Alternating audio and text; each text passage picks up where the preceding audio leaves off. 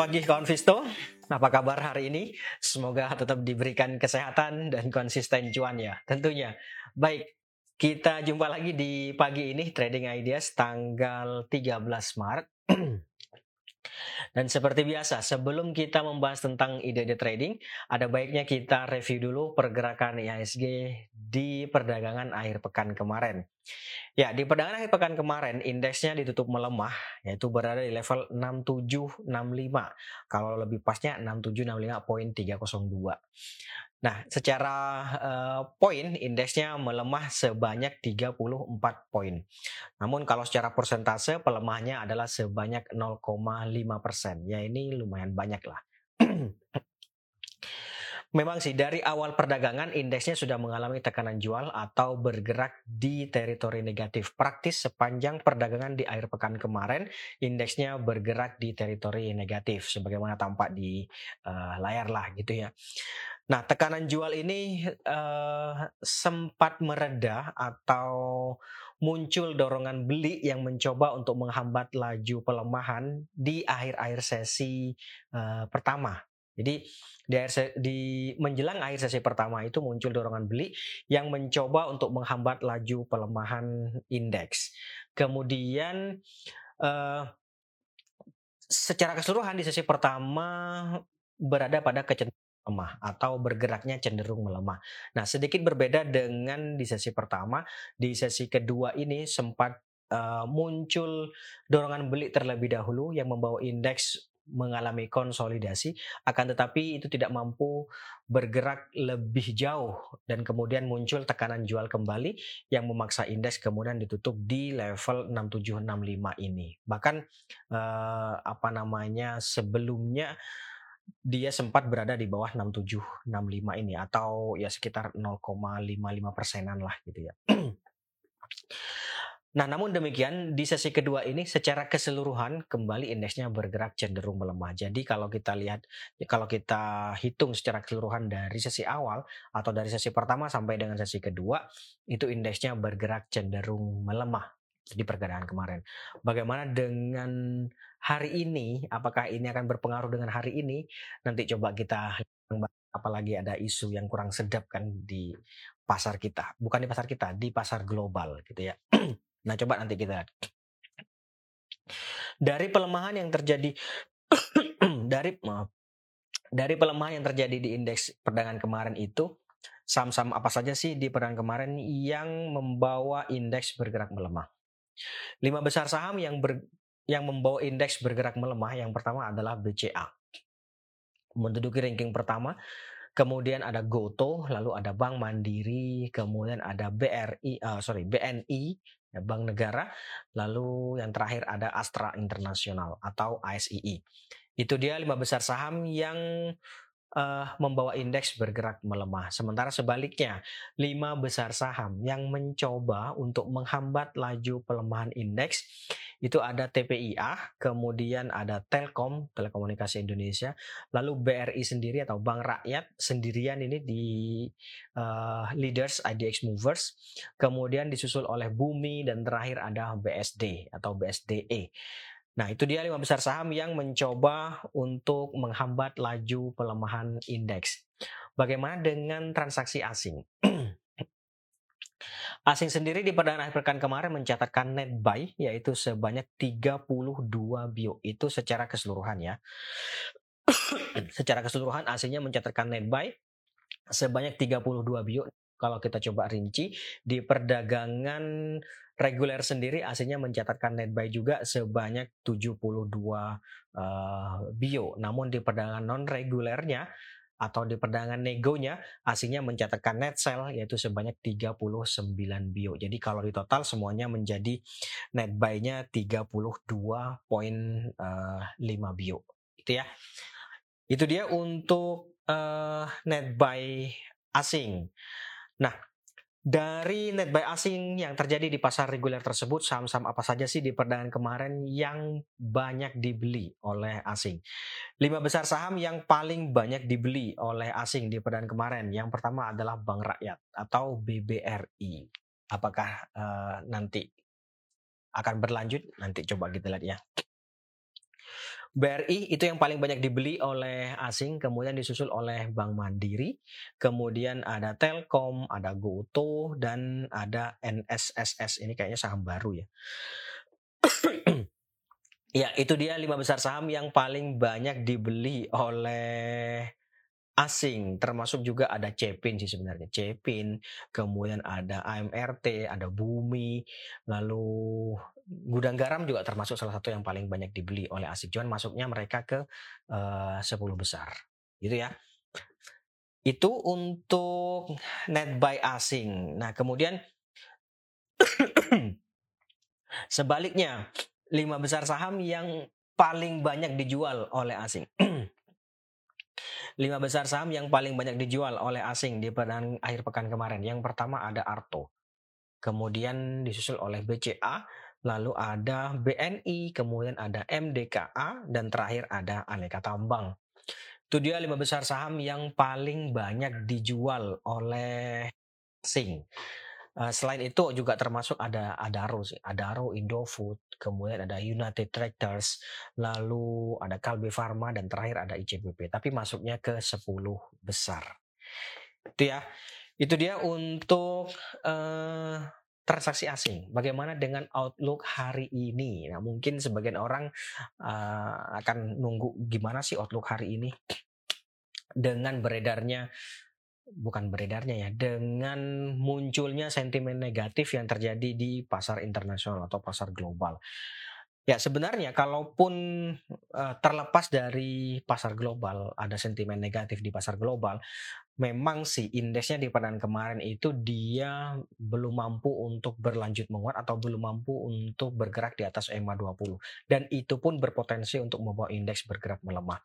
Satu-satunya yang mencoba untuk menghambat laju pelemahan indeks uh, yang adalah stokastiknya yang cenderung bergerak menguat.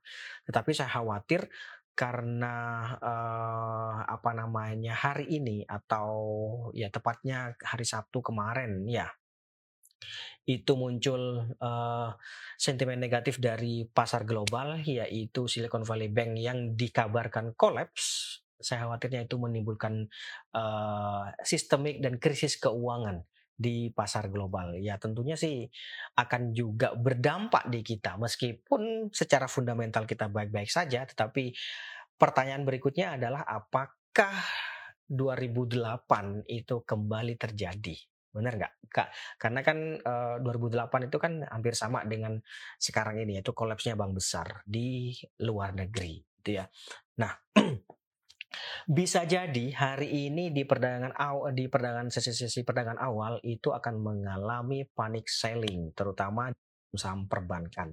Jadi waspadai saja gitu ya. Tapi yang jelas uh, melihat kondisi pasar yang tampaknya tidak mendukung secara uh, baik, maka ada baiknya ya secara keseluruhan sih tentu adalah buy on weakness. Lihat apakah ada kesempatan kita untuk masuk, gitu ya. Oke, rank pergerakan diperkirakan ya sekitar 6.700 sampai dengan uh, seberapa nih? Bisa jadi ke 6635 juga sih. 66 6680 atau 6635 sampai dengan 6805 sih uh, uh, resistance levelnya gitu ya dengan kecenderungannya melemah. Oke. Okay. Baik, saya pikir itu untuk ISG-nya. Kemudian sekarang kita ke ide trading. Barangkali punya ide trading yang mau disampaikan boleh di uh, titik di kolom chat. Nanti kita lihat bareng-bareng. Ya. Oke, yang pertama ada sebentar. yang pertama ada Medco.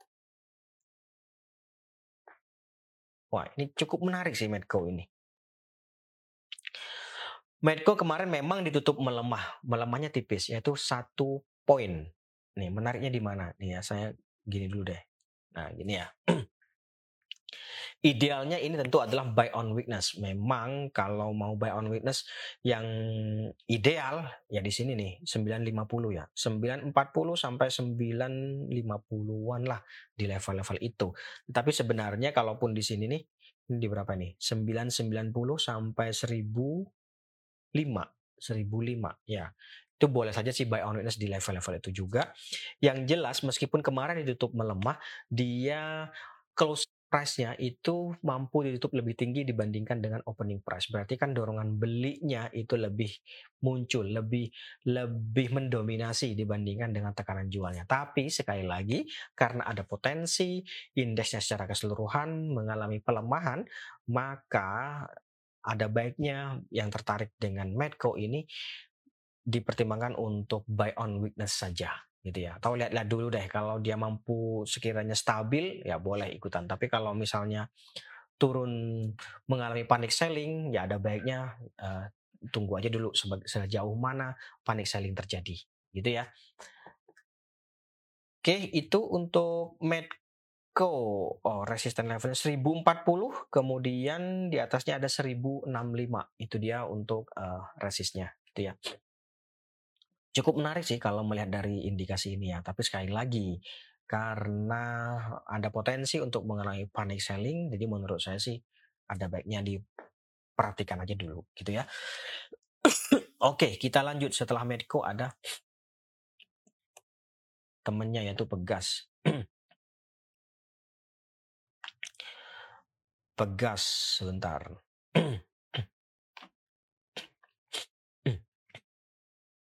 Saya gedein dulu.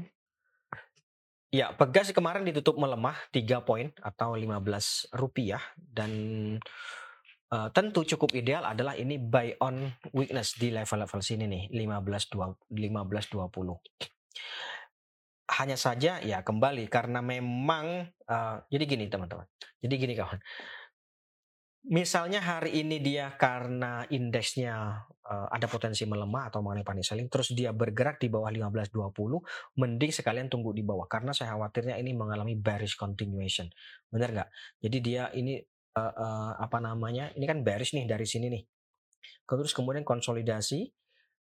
Nah kalau dia uh, apa namanya melemah kembali sampai di bawah 1520 atau 1500 saya khawatirnya akan mengalami bearish continuation yang membawa terpaksa membawa harga ke 1400 ke bawah gitu.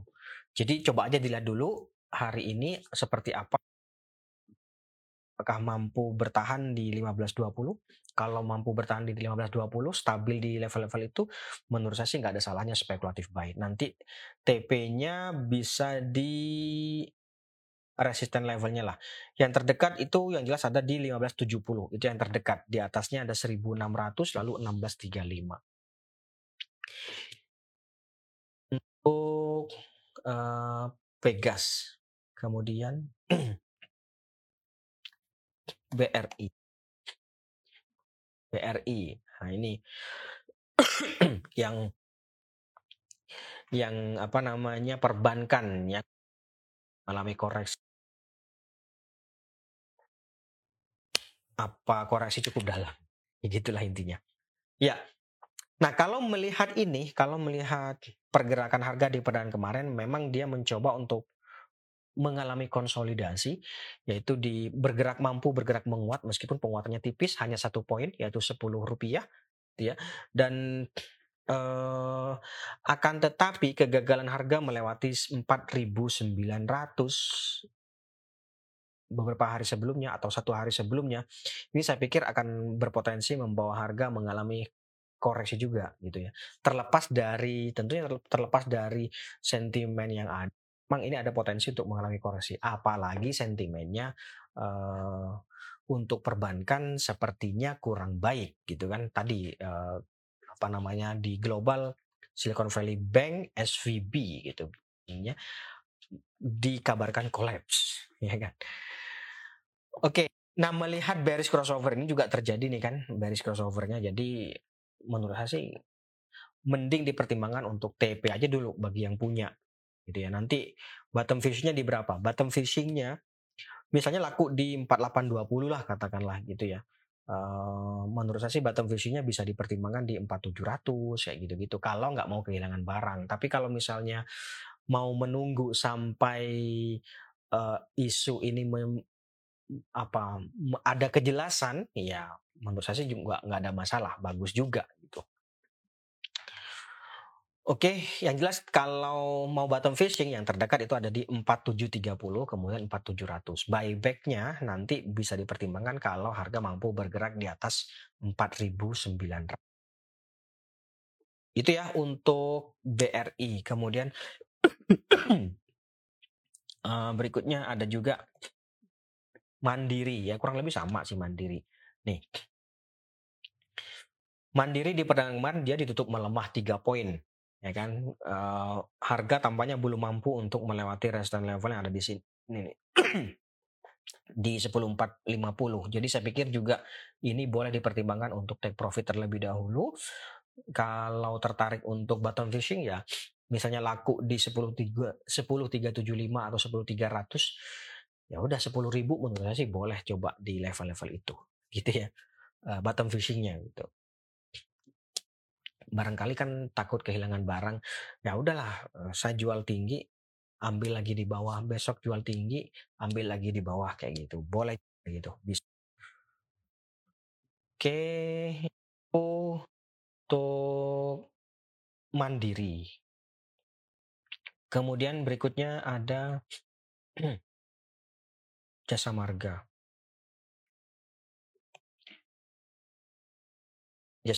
Samarga ini cukup menarik sih menurut saya. Uh, dia mengalami konsolidasi dan mencoba untuk bertahan di atas 3.200 ya kan? Terus kemudian bullish crossover juga terjadi di stochastic. Cuman ya idealnya tetap sama aja sih buy on weakness. 3.200 di level-level itu boleh coba dipertimbangkan 3.200 sampai 3.250 ya di level-level itu kemudian nanti nya di 3330 sampai dengan 3370 di level-level itu kawan. ya 333 3370 di sini kawan. Sekaligus uji MA 200. Gitu. Tapi sekali lagi ini idealnya adalah buy on witness. Ya kalau misalnya ternyata hari ini dia bergerak misalnya nih uh, ternyata dia nggak nggak nggak melemah malah justru dia naik sampai di atas 3300 misalnya menurut saya sih juga nggak ada salahnya sih trading buy. Ya nanti kalau dapat harga di atas 3300 ya 3370 boleh dipertimbangkan atau cukup ideal sih 343 dengan 34 lah ideal atau cukup ideal untuk take profit. Ya, tapi menurut saya sih uh, misalnya dapat harga di tiga berapa? Kalau dapat harga 3250 menurut saya 3330 ya oke okay lah gitu ya. 3370 ya saya sih cukup. Yang jelas untung lah gitu ya. Oke, nanti stop lossnya kalau harga melemah sampai di bawah 3150. Jadi misalnya uh, kalau misalnya hari ini dia ternyata dibukanya sudah di bawah 3200 misalnya karena terjadi panic selling terjadi panic selling terus dibukanya di bawah 3200 ya udah mending tunggu aja dulu gitu ya Oke, itu untuk nah, kemudian uh, tel Telkom. Nah, Telkom ini di perdaan kemarin. Dia mampu ditutup menguat, hanya saja memang dia uji resist di 4010. Maka ini idealnya adalah buy on breakout di atas 4010. Oh, jadi misalnya dapat harga di berapa? 4020 deh, 4030 misalnya. Nanti TP-nya di berapa? 4100 cukup enggak? Atau sekalian uji MA 200 nih deh. 4130 di sini kawan. Gitu ya. Tapi kalau misalnya hari ini belum bisa bergerak di atas 4010, mending tunggu aja sekalian di bawah, yaitu di sekitar uh, ya yang terdekat 3900 sih. Tapi saya saya khawatirnya kalau ini gagal bergerak menguat di atas 4010 uh, eh, saya khawatirnya kembali uji support yang ada di sini nih 3800 sampai 3710 di level-level itu kawan. Jadi boleh juga dipertimbangkan untuk buy on di level-level itu saja atau buy on breakout gitu ya. Itu untuk Telkom. Kemudian berikutnya Excel.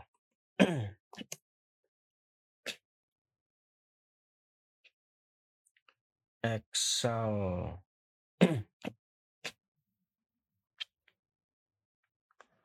Eee Excel. Nah, oke, ini dia Excel.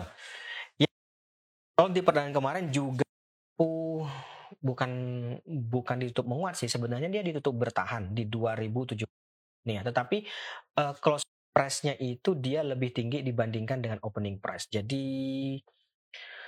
bisa saja ini spekulatif buy, ya. Sekali lagi ini bisa saja spekulatif buy, akan tetapi karena situasinya tampaknya ada potensi untuk melemah secara keseluruhan nya maka bisa saja dipertimbangkan juga untuk buy on weakness.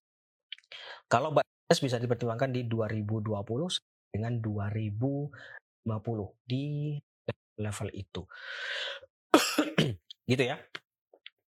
Nah, eee, nanti TP-nya di berapa? Kalau dapat harga di 2020 atau dapat harga di 2050 gitu misalnya, ya 2100, eee, menurut saya sih sudah bisa sih dipertimbangkan untuk, eee, take profit. Misalnya dapat harga di 2000 kalau kita jual di 2100 misalnya ya itu kita sudah 2,4%, berarti 2% bersih.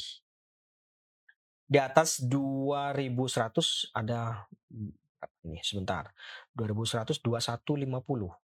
Ya 2170, 2150 uji EMA lima uji EMA 20-nya di sini. Ya bolehlah di level-level itu, gitu ya. Yang jelas resistance levelnya dari closing kemarin 2100, 2150, kemudian 2170, gitu ya. Stop loss-nya nanti kalau harga ternyata di bawah 2000 boleh dipertimbangkan untuk uh, stop loss. Amankan modal terlebih. Oke, itu untuk Excel. Pegas, oh tadi sudah Pegas. Pegas bangun bagus fundamentalnya. Oke, siap. Ya, tapi saya khawatirnya karena apa? Karena kondisi global yang kurang mendukung, biasanya kan akan terjadi panic selling terlebih dahulu atau uh, koreksi terlebih dahulu. Nanti setelah semuanya mereda, orang akan kembali rasional terhadap fundamental. Untuk sementara biasanya sih akan uh, mengesampingkan itu dulu karena terjadinya itu tadi uh, uh, sentimen yang sangat negatifnya. Tapi satu satu ketika nanti orang akan kembali rasional, gitu ya. Masalahnya adalah uh, kita tidak tahu nih kapan orang akan kembali rasional itu, gitu ya. Berikutnya ada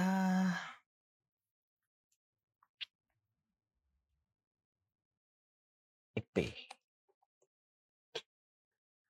Ya, INTP kemarin uji resist di 11.500. Ya, ini ideal buy on breakout sih. Buy on breakout mampu bergerak di atas itu ya setidaknya di atas 11.500 ya. Setidaknya ya. Kalau seiyanya di atas 100. Setidaknya di atas 11.500 kan ada potensi atau ada peluang untuk bullish continuation. Coba kita lihat. Kayak gini kawan. Nih, di atas 11 setidaknya di atas 11.500 seiyanya itu di atas 11.800. Benar nggak? Nanti peluangnya ke kalau di atas 11.800 ya di atas 12.500-an sih. 12.700 uji MA 13.300. Tapi ada tapinya dong. kalau misalnya hari ini dia kembali bergerak melemah atau bahkan di bawah 11.000 menurut saya sih mending udah tunggu aja. Kalian tunggu ya tunggu sampai kapan sih meredanya ini gitu ya. Tunggu uh, karena kondisi sekali lagi ini saya uh, bukan menakut-nakuti sih tapi untuk mewaspadai saja khawatirnya 2008 kembali di dejavu 2008 karena ini kan juga bank besar yang uh, apa namanya dikabarkan kolaps Dengan kondisi seperti itu, maka ada potensi semua saham mengalami pelemahan, gitu ya. Uh, untuk sementara waktu, tentunya gitu ya. 2008 kemarin kan mm, tidak bertahan lama, nggak sampai setahun kan dia kemudian bisa balik, bener nggak? Coba nanti dilihat lagi. Oke, itu INTP. Mudah-mudahan sih nggak terjadi. Mudah-mudahan ini hanya kekhawatiran, ya kekhawatiran yang biasa aja gitu ya. Mudah-mudahan sih nggak terjadi. Tapi nggak ada salahnya kita untuk waspada. Oke, itu terakhir ya. Terakhir ada P. Bener nggak? BBKP. Oke, BBKP ya terakhir ya. BKP ini sebenarnya dia melanjutkan konsolidasi. Memang sih di perdagangan kemarin dia uh, apa mengalami tekanan jual, tetapi uh, uh, melemah tiga poin atau tiga rupiah. Nah sebenarnya dia masih konsolidasi aja. Saya khawatirnya ini juga sedang uji kan 100 pelemahan di bawah itu ada potensi ke 105 jadi lihat aja hari ini kalau dia masih mampu bertahan di atas 110 ya ya atau trading buy. If buy lebih tepatnya nanti ya nggak usah jauh-jauh kalau dapat harga di 110 menurut saya dua bahkan 100 untung nggak sih kalau 111 coba ya kita hitung ya kita dapat harga 100 jual 100 kayaknya enggak deh. Ya untung tipis 0, persen. Ya berarti kan 0,5 persen bersih. Ya kalau itu nilai layak ya bisa aja sih.